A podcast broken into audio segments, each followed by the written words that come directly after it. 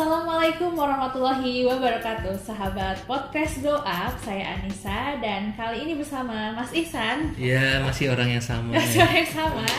Host Grow Up kali ini. Dan di episode sebelumnya Ini mungkin dalam rangka Sumpah Pemuda kita banyak ngobrol dan berbincang bersama para pemuda-pemuda Iya, Indonesia. pemu- Nggak cuma pemuda dong, pemuda expert. Pemuda expert. Naik yang ini ada di Indonesia gitu ya. Eh, untuk pengantarnya mungkin sahabat Go Up pilihan untuk kita berkarir ini ada banyak sekali di sekitar kita di perusahaan nasional, multinasional, di startup atau bahkan menjadi seorang entrepreneur atau menjadi freelancer itu menjadi pilihan kita masing-masing. Tetapi salah satu pilihan berkarir tidak hanya di lembaga profit. Eh, sahabat mungkin mengenal istilah NGO untuk suatu lembaga non profit. Nah kali ini saya sudah bersama dengan Mas Adi Kurniawan, Halo. seorang praktisi komunikasi yang saat ini menghandle komunikasi internal di Dompet Duafa ya. Dan selain bekerja di Dompet Duafa, ayah satu putri ini ya, ini berarti termasuk dengan parenial ya. Iya. Eh, generasi generasi par- parenting yang di milenial Hmm. gitu ya. Oh, iya, iya, iya. Ayo Dan- menyusui Ayah asi Ayah Mas, asi.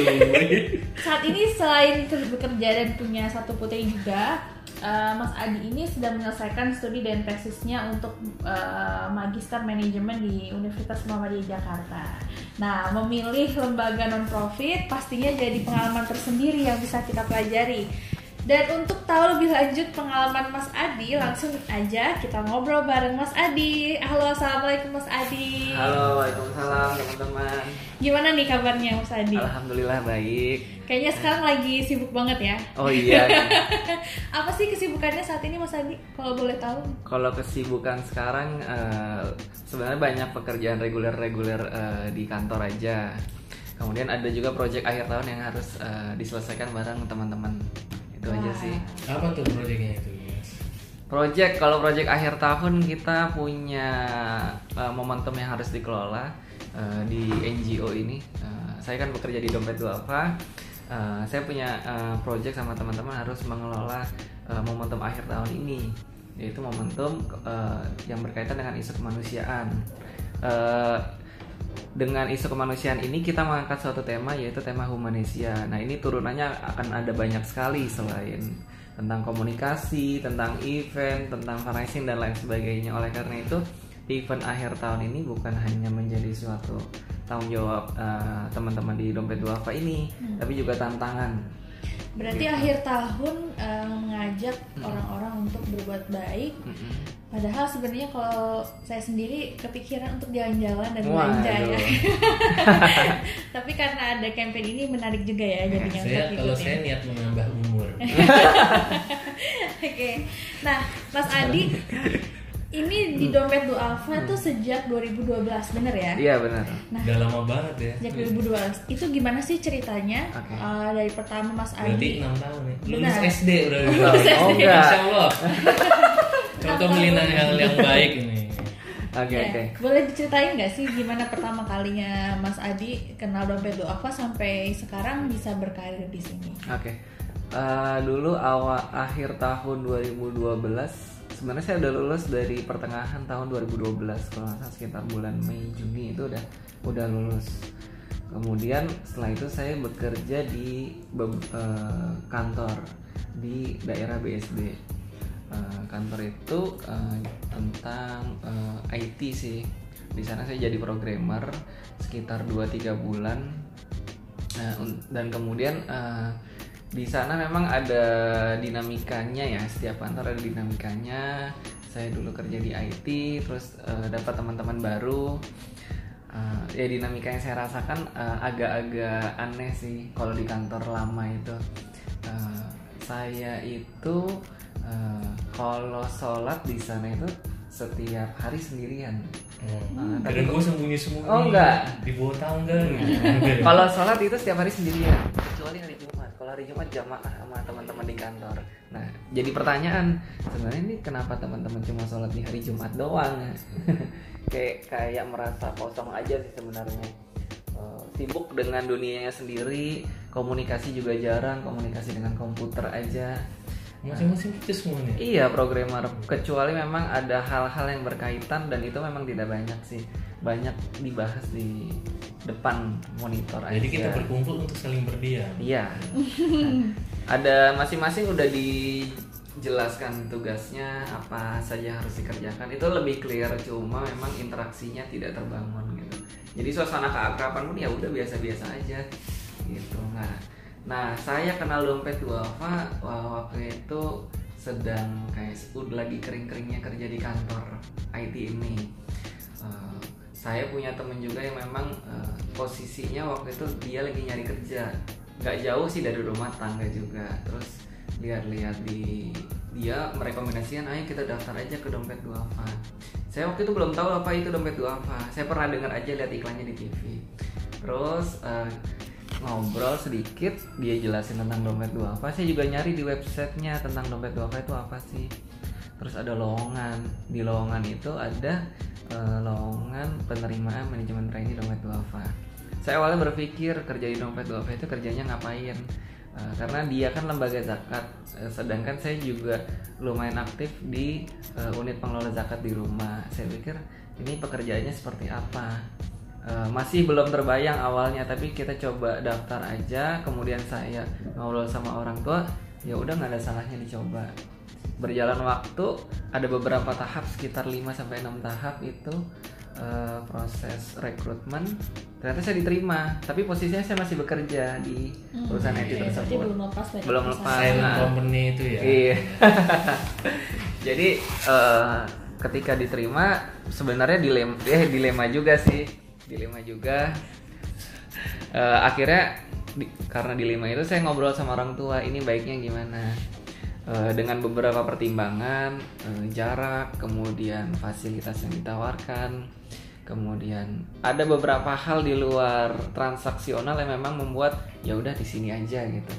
Nah, ada di beberapa hal di luar benefit yang di- diterima itu ya udah di dompet duafa aja. Akhirnya saya memutuskan di dompet duafa. Itu awal saya masuk ke dompet duafa di situ. Saya resign masuk ke dompet duafa dan sama beberapa teman-teman MT seangkatan tuh sekitar 15 sampai 18 orang kalau nggak salah. Nah, kita masuk gitu. Berarti masuk di jalur manajemen training Iya, ya. ah, ah. Berapa berapa orang tuh? Sekitar dari angkatan 18 apa 17 orang kalau nggak salah masuk masuk apa manajemen training ada. Pertimbangan terbesarnya lu milih dompet duafa dibandingkan silent company. oh itu. Pertama eh, pertimbangannya pasti kan eh, satu sisi waktu itu sempat bingung terus ngobrol sama orang tua. Eh, pertama kita eh, di sana itu dapat yang pasti kan di situ lembaga Islam ya. Eh, lembaga Islam kalau soal agama insya Allah aman lah soal agama soal reli eh, kereligiusan terus soal berinteraksi dengan orang itu cenderung lebih aman. Eh, ke- beda dengan di perusahaan sebelumnya gitu ya nggak ada hampir nggak ada batasan komunikasi sama orang dan lain sebagainya. Bahkan hampir nggak ada yang nggak ada yang perundungan bahkan di sana itu. Ah, ada ada kekhawatiran dari orang tua ya hal, seperti itu. Iya. kemudian eh, di luar itu mungkin eh, saya melihat setelah didalami dompet duafa itu sangat besar. Setelah didalami dompet duafa sangat besar eh, ketika di dari penghimpunan aja saat itu dia adalah lembaga terbesar di Indonesia penghimpunannya. Kemudian melihat program juga ternyata banyak banyak banget programnya nggak cuma di daerah Jakarta. Dan saya mengenal dompet duafa itu bukan kayak mengenal apa namanya bukan seperti awal ngeliat gitu. Oh lembaga zakat. Ternyata apa yang dikerjakan itu jauh lebih besar daripada itu intinya. Nah saya ingin mendalami dan ingin eh, belajar banyak sih. Nah, harapan saya awalnya masuk situ jadi saya bisa bantu teman-teman di eh, lingkungan juga. Di rumah sendiri. di rumah sendiri di lingkungan eh, apa aja yang karena memang ada ada ada UPS, eh, tiap pengelola tiap kita berinteraksi sama teman tiap kita mengelola organisasi kan ada permasalahan. Kadang-kadang memang ada yang permasalahan nggak bisa diselesaikan. Saya harap dengan saya masuk situ gitu eh, ada di ada apa namanya informasi atau knowledge yang saya pahamin bisa saya bantu teman-teman juga gitu di eh, di mana di lingkungan sekitar saya. Awalnya harapannya itu tapi setelah masuk dompet duafa ternyata ada hal-hal baru yang memang eh, sangat-sangat bermanfaat dan membuat saya ingin terus di sini gitu Hmm, oke. Nah, kalau setelah masuk nih uh, Mm-mm. di 2012 masuk di dompet Wafa, Mm-mm. perjalanan 6 tahun ya sampai Mm-mm, sekarang mm-mm. di dompet Wafa nih. Pernah nggak sih kepikiran untuk uh, mungkin mencari uh, peluang-peluang lain gitu Iya, ya, iya, berkarir di tempat yang lain? Pastinya Iya, iya. ada dong ya dari luar ya, di luar sana peluang-peluang itu gitu. Atau Mm. mungkin pernah apply ke mana juga? Heeh. Sempet nggak sih kayak gitu? Oke. Eh kalau mengenai pertimbangan nyari nyari perusahaan lain pasti udah pernah ya. Eh, beberapa kali dengan beberapa alasan, dengan dengan alasan-alasan tertentu lah intinya. Eh, waktu itu saya pernah apply ke beberapa tempat eh, karena memang waktu itu saya ingin menikah.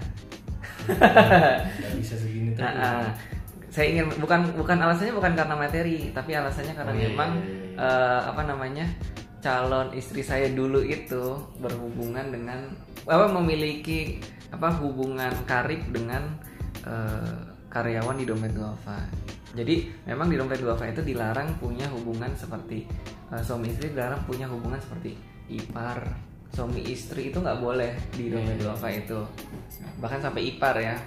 Saudara kandung itu nggak boleh nah itu salah satu alasannya. Jadi mau nggak mau nah, saya nggak bisa dong nyuruh dia keluar nyuruh teman saya keluar. Akhirnya saya inisiatif nyari pekerjaan. Sambil jalan sambil jalan nyari kerjaan. Dan saya juga sempat ditawarin ke? ke salah satu lembaga zakat juga tapi Oh, oke. BUMN lembaga salah satu lembaga zakat BUMN tapi saat itu setelah minta pertimbangan orang tua tahan aja dulu di situ jangan. Karena memang eh, dengan beberapa berbagai pertimbangan orang tua eh, yang oke lah saya tahan dulu di situ sambil jalan sambil nyari belum ada lagi nih sampai eh, sampai sekitar berapa ya berapa tahun gitu dua tiga tahun pada setahun dua tahun pada akhirnya eh, saya men- tetap mantap terus di DB Oke, berarti Hmm. pertimbangan sebelumnya lebih ke pertimbangan personal, bukan Iya.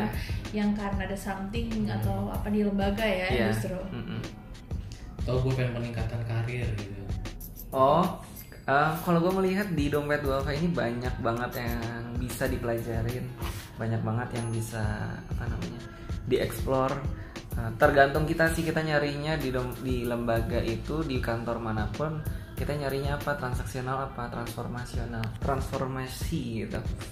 Eh, sebenarnya banyak hal yang bisa dipelajarin eh, dan banyak hal yang bisa dieksplor dan eh, kita ini diberi tanggung jawab cukup besar di sini uh, untuk mengelola suatu pekerjaan. Jadi menurut saya lanjut aja di sini karena belum tentu di kantor yang baru saya mendapat amanah sebesar ini. Uh, saya ngelihatnya sih seperti itu. Aduh, berarti uh, bertahan 6 tahun du alpha itu dengan perjuangan tersendiri ya Mas Iya. Adi ya dengan banyak sekali pengorbanan juga tapi yang paling terus lu kenapa daftar CPNS Oh iya iya iya. Oh iya. Kalau CPNS itu nah, jelasin sedikit ya. Kalau CPNS itu Gak gak. Kalau CPNS itu waktu itu jadi ngikutin arahan orang tua sih. Oh, Sebenarnya iya, iya. kalau dari pun adek pun begitu. dari diri lu tapi sebenarnya nggak Sebenarnya nggak ada keinginan sama sekali untuk ikut CPNS, tapi memenuhi harapan orang tua aja. Memenuhi harapan orang tua pun kalaupun masuk ya udah ikutin. Udah minta izin atasan, udah minta izin ke istri juga, ya udah jalan. Pun pada akhirnya ternyata belum rezekinya, ya udah kita jalan lanjut hidup itu. ya kalau diri lu sendiri mas sebenarnya cukup puas dengan menjalankan misi di sini ya. Saat ini cukup puas, saat ini cukup puas. tapi tantangan terbesarnya apa sih? Di dompet duafa. Iya. Di dompet duafa itu tantangan terbesarnya dinamikanya adalah selain cepat, cepat di perubahan. eh, dompet duafa cepat juga di eh, melakukan hal-hal baru, melakukan hal-hal baru. Apa pun itu dompet duafa sangat cepat sehingga kita harus eh, beradaptasi terhadap perubahan-perubahan yang terjadi. Itu sih tantangan utamanya. Tapi kalau dari tantangan tadi eh, atau mungkin kondisi di dompet du alpha apa sih benefitnya sendiri? Benefit, Iya yang bisa Mas Adi dapatkan secara personal oke. berada di dompet du Apa alpha. itu apa? Eh, kalau dompet duafa positifnya saya eh, dapat bisa belajar banyak. Selain pertama karena amanah yang lumayan besar, cukup besar sih menurut saya amanah-amanah yang diberikan. Dari situ saya bisa belajar banyak banyak hal apa pun itu. Eh, tentang misalkan mengelola event, tentang tahun ini yang mengelola campaign tema besar lembaga eh, banyak hal terutama kita belajarnya bukan hanya dari mengelola suatu hal yang besar tapi kita juga belajar dari eh, bagaimana eh, atasan-atasan kita itu eh, eh, memberikan suatu pelajaran memberikan suatu insight. Itu sih banyak hal yang bisa dipelajarin dan saya mengambil positifnya. Eh, di dompet duafa ini peluang besar untuk melakukan transformasi karena amanah yang diberikan cukup besar ketika kita bisa menjalankan amanah tersebut dengan baik yaitu adalah peluang eh, meningkatkan kapasitas diri kita di situ Oke, berarti banyak pengembangan diri, pelajaran-pelajaran yang bisa iya didapatkan gitu iya ya. iya Kalau boleh tahu nih, Mm-mm. nih dompet duafa ini kan salah satu kalau main bahasa dibilang nih leading di dunia zakat iya Indonesia ya. Mm-mm. Nah, menurut Mas Adi sendiri itu punya persepsi yang sama nggak sih dan apa yang membedakan dompet duafa dengan yang lainnya? Lembaga gitu? lain ya. Menurut Mas Adi Oke. sendiri. Menurut saya memang dompet duafa masih eh, leading di dunia perzakatan. Karena saya melihat eh, dompet duafa masih menjadi kiblat beberapa lembaga. Banyak sekali lembaga eh, zakat dan dan lembaga-lembaga lain juga masih banyak yang belajar ke dompet duafa. Walaupun memang saat ini dompet duafa juga jangan berhenti untuk belajar menurut saya. Ah, kemudian saya juga melihat dompet duafa ini masih apa ya dia itu cepat beradaptasi berusaha untuk cepat beradaptasi terhadap perubahan-perubahan. Kemudian dia si eh, melakukan hal-hal baru. Karena memang banyak banget anak muda di sini ya. Eh, mereka selalu melakukan hal-hal baru. Kemudian eh, dengan dinamika perubahan mereka berusaha untuk cepat beradaptasi terhadap perubahan itu. Itu sih yang saya lihat Eh, kemudian perubahan-perubahan itu pun eh, beberapa kali juga dilihat atau dicontoh oleh beberapa lembaga zakat. Dan menurut saya lembaga-lembaga zakat yang masih ber, eh, melihat dompet duafa itu berarti masih mengakui bahwa dompet duafa itu eh, merupakan eh, salah satu lembaga yang memang masih jadi masih lead masih jadi apa namanya kayak leading gitu kalau menurut saya contoh ya contoh. Dompet duafa akhir-akhir eh, setahun belakangan kan campaign tentang wakaf itu sangat besar sekali. Ternyata memang beberapa lembaga zakat pada akhirnya mengikuti dompet duafa di situ. Walaupun secara komunikasi gayanya agak berbeda tapi mereka melihat kalau memang ternyata eh, dompet duafa nih sekarang lagi ke arah sana teman-teman nih ngikutin yang lain walaupun jalannya beda gitu loh Hmm. kalau saya lihat itu itu salah satunya ya. Walaupun di beberapa hal menurut saya dompet duafa masih harus terus belajar. Nah, jangan ketika merasa yang terbaik pada akhirnya berhenti belajar itu sih yang berbahaya. Dan karena di sini banyak anak-anak muda dan saya juga optimis sih eh, karena mereka juga hmm, cepat beradaptasinya, kemudian mau belajar sesuatu yang baru itu eh, positifnya di sini. Oke. Berarti sebenarnya berkarir di NGO itu banyak juga tantangannya dan juga bisa banyak belajar satu hal ya, Iya. nggak kalah dengan kita bekerja di lembaga-lembaga profit atau company lainnya. Mm-mm. Nih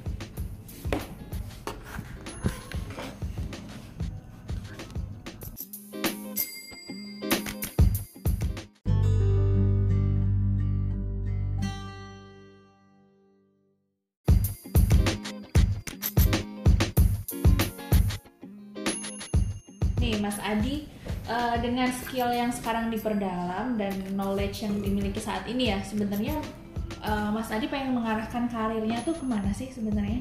Oke. Sebenarnya kalau secara karir saya punya target di dompet duafa dan di luar dompet duafa. Kalau saya sih pengen membangun personal branding saya sebagai ya punya konsultan komunikasi lah, konsultan komunikasi. Kemudian eh, saya juga pengen eh, mengelola jadi event organizer. Itu target dua target besar saya. Apa yang saya lakukan untuk mencapai itu ya banyak hal. Di dompet duafa saya mengelola event. Event dari event yang terkecil maupun event yang memang cukup besar. Dan dan itu uh, uh, lumayan menjadi apa namanya pengalaman berharga buat saya. Uh, pun saya nggak boleh berhenti di situ. Uh, saya masih harus terus belajar kemudian uh, mencari pengalaman baru misalkan kayak gimana mengelola event internasional gimana cara uh, event organizer besar mengelola event dengan event besar dengan jangka waktu yang panjang itu masih banyak yang harus yang harus saya pelajari. Nah untuk di di komunikasi saya coba uh, explore di luar dompet duafa juga. Selain saya juga banyak hal dengan teman-teman di dompet duafa tentang komunikasi. Saya juga uh, saya mengelola komunikasi internal, tapi itu tidak terlalu banyak berkaitan tentang bagaimana kita uh, memproduksi uh, suatu konten. Tapi bagaimana saya membangun uh, agar teman-teman di internal itu bisa menjadi PR dompet duafa. Okay. Bagaimana teman-teman itu bisa uh, memperkenalkan dompet duafa, memahami knowledge, memperkenalkan DD dan bisa mengadvokasi. Itu harapan saya di komunikasi internal. Di luar dompet duafa saya mencoba mengeksplor hal baru. Saya coba ambil uh, kuliah S2. Saya coba bagaimana mengen, uh, bagaimana melihat bagaimana dunia akademi itu di akademisi itu melihat bagaimana kita mengelola uh, eh, NGO, bagaimana kita mengelola komunikasi, marketing dan lain sebagainya. Uh, ada hal baru yang saya pelajari di akademisi dan saya harap uh, walaupun itu bukan hal yang mudah, saya bisa implementasi di di mana di dompet duafa dan di luar dompet duafa agar knowledge saya tentang komunikasi ini terbangun intinya di situ. Nah, sekarang harapan terbesarnya apa nih kalau hmm. untuk Mas Adi sendiri dengan uh, yang tadi disebutkan nih hmm. uh, kontribusi apa sih yang pengen diberikan ke dompet Atau ya, lu kan katanya pengen expert di event organizer. Lu emang pengen bikin acara kayak apa sih? Hmm. oke oke. Okay, okay. ya, mungkin bikin gitu. Kan kayak sunatan masal. Oh jadi dua pertanyaan sekaligus. Kalau eh, tentang bagaimana di komunikasi apa sih yang mau lu raih gitu. oke. Okay banyak banget ini. Iya kalau di dompet duafa tadi kontribusinya ya? Tadi sih kalau saya ungkapkan uh, saya pengen teman-teman di internal itu harapan saya di internal baik di pusat cabang organ itu menjadi PR-nya dompet duafa PR secara langsung maupun tidak langsung di dunia digital maupun di dunia nyata. Saya harap teman-teman memahami semua knowledge lembaga baik tentang program, baik tentang uh, fundraising atau tentang apa pun itu. Jangan sampai kita sebagai uh, yang dikomunikasi uh, bukan bukan. Jadi jangan sampai teman-teman di cabang kita tuh nggak tahu ada perubahan struktur yang terjadi di dompet duafa misalkan. Jangan sampai teman-teman di komun di organ kita tuh uh, kita ada event besar teman-teman nggak tahu. Kita ada uh, tema komunikasi baru teman-teman di organ juga nggak tahu itu itu salah sal, kesalahan di komunikasi internal harapan saya informasi yang ada di pusat itu nyampe ke semua organ dan cabang. Dan sebaliknya organisasi or informasi di cabang dan organ juga sampai ke pusat. Jadi jadi terus mengalir informasi-informasinya. Harapan saya di situ kalau di domain dua apa. Kalau tentang harapan pengelolaan event saya sih pengen saya pernah ngelola event internasional. Tapi eventnya itu cukup spesifik targetnya memang 30 peserta dari seluruh dari sekitar 8 negara. Memang iya. Temanya memang cukup sangat-sangat spesifik sih tentang tentang Rohingya. Nah saya pengen ngelola lagi yang lebih besar lagi misalkan seperti event-event internasional tapi melibatkan seluruh uh, eh, NGO di luar gitu. Seluruh NGO di luar berpartisipasi uh, untuk konsepnya belum belum terbayang mau ngomong ngobrolin apa mau buat apa di event itu saya yang pasti ingin buat event internasional yang di mana seluruh dunia berpartisipasi di situ seluruh dunia ik pengen ikut bukan diundang tapi pengen ikut di situ pengennya sih itu yeah, yeah. event sebesar itulah okay. nah, kalau untuk tadi yang terakhir apa sih? Di komunikasi. Di komunikasi. Kalau di komunikasi pribadi sih saya sekarang eh, karena karena apa namanya karena amanah saya belum untuk apa namanya mengelola komunikasi yang secara masif di dompet dua apa? Saya sekarang masih mempelajari bagaimana mengelola dulu bagaimana mengelola komunikasi bagaimana eh, mengelola suatu brand bagaimana mengelola eh, komunikasi yang bukan hanya ke brand tapi juga ke fundraising masih belajar memahami sih untuk kemudian nanti kalau memang ada kesempatan saya coba implementasi ke eh, di dompet dua apa Oke. Berarti banyak juga harapannya ya. Iya, Dan karena pertanyaannya cita-cita banyak. Yang ingin di, eh, di- diwujudkan di dompet dua apa. Iya. Nah sekarang sebagai uh, generasi milenial juga nih Mas Hadi, Mm-mm. uh, ma- generasi milenial ini katanya menurut penelitian itu sering banget dia loncat-loncat dari Oke. satu kerjaan ke Mencari kerjaan karir, yang lain, ah, mencari mencari uang yang karir, lebih. mencari materi lah apa pun oke. itu gitu ya. karena Nah, semua harga tambah mahal. Oh, Oke. mohon maaf aja terutama juga. Jabodetabek ya belum yang masih aman lah Eh, tetap stabil ya. nah, kalau Mas Adi sendiri gimana sih eh, mengelola ini ya, terutama kapasitas diri? Iya. 6 tahun di dompet Duafa itu kan nggak sebentar Iya, ya. nggak sebentar SD udah lulus Iya, benar. SMA udah dua kali Iya. dan kelas tiga kali itu juga Kalau anak apa ngurusin anak 6 tahun kan dia udah masuk SD Waduh, katanya iya, gitu iya, ya. Uang masuk sekolah Bener. itu Ini waktu yang lama gimana sih Mas Adi caranya bisa tetap bertahan dan Iya. apa yang membuat Mas Adi eh, dalam selama enam tahun ini gimana caranya biar nggak mengalami stagnan di karir kayak Oke gitu? oke. Kalau saya selama perjalanan pasti memang ada yang eh, kita di mana kita di posisi sangat di bawah, terus kita atau jangan-jangan nggak ada pilihan lain nggak enggak enggak. Kan tadi gua udah ngomong ada Oh, pilihan iya, lain. iya, iya. kirain udah terima nasib ya dah. Jadi memang kalau di selama berkarir di suatu perusahaan atau di suatu lembaga pasti kita ada di sema- di masa di mana akan sangat jenuh. Kita memang tergantung gimana kita menyikapinya. Kalau saya pernah merasa sangat-sangat jenuh, saya merasa pernah sangat-sangat ini kayaknya eh, nggak ada yang hampir nggak ada yang bisa saya explore lagi gitu. Pernah, tapi sekarang udah nggak. Nah dulu itu caranya gimana? Dulu itu saya coba mencari hal baru di luar. Gimana caranya? Salah satunya dengan kuliah salah satunya dengan kuliah. Eh, kemudian bisa juga dengan eh, melakukan hal-hal yang di luar yang tadi eh, yang saya lakukan. Misalkan saya juga dengan saudara saya dengan adik saya saya juga eh, melakukan apa ya buka semacam Dagang, usaha dagang. dagang entrepreneur gitu. Dan jalannya bareng dan alhamdulillah udah dapat lumayan sekarang. Jadi bisa selain bisa apa ya membangun eh, kapasitas diri di luar juga bisa menambah penghasilan di luar gitu. Jadi saya nggak nggak nggak tidak tergantung banget penghasilan nih jadi patokan saya di dompet Dova enggak Eh, coba cari alternatif lain selain untuk menghilangkan kejenuhan tapi juga eh, bermanfaat untuk kita di sisi benefit sih itu berarti terus belajar nggak hanya nggak hanya belajar dari di dalam dompet itu apa Mm-mm. tapi juga Di luar. melihat keluar supaya nggak mungkin nggak sempit gitu Iya. ya pandangan paradigmanya. Mas Adi ada pesan-pesan nggak untuk generasi muda hari ini yang Oh, mungkin iya. lagi mencari karirnya, lagi Nah. membangun karirnya?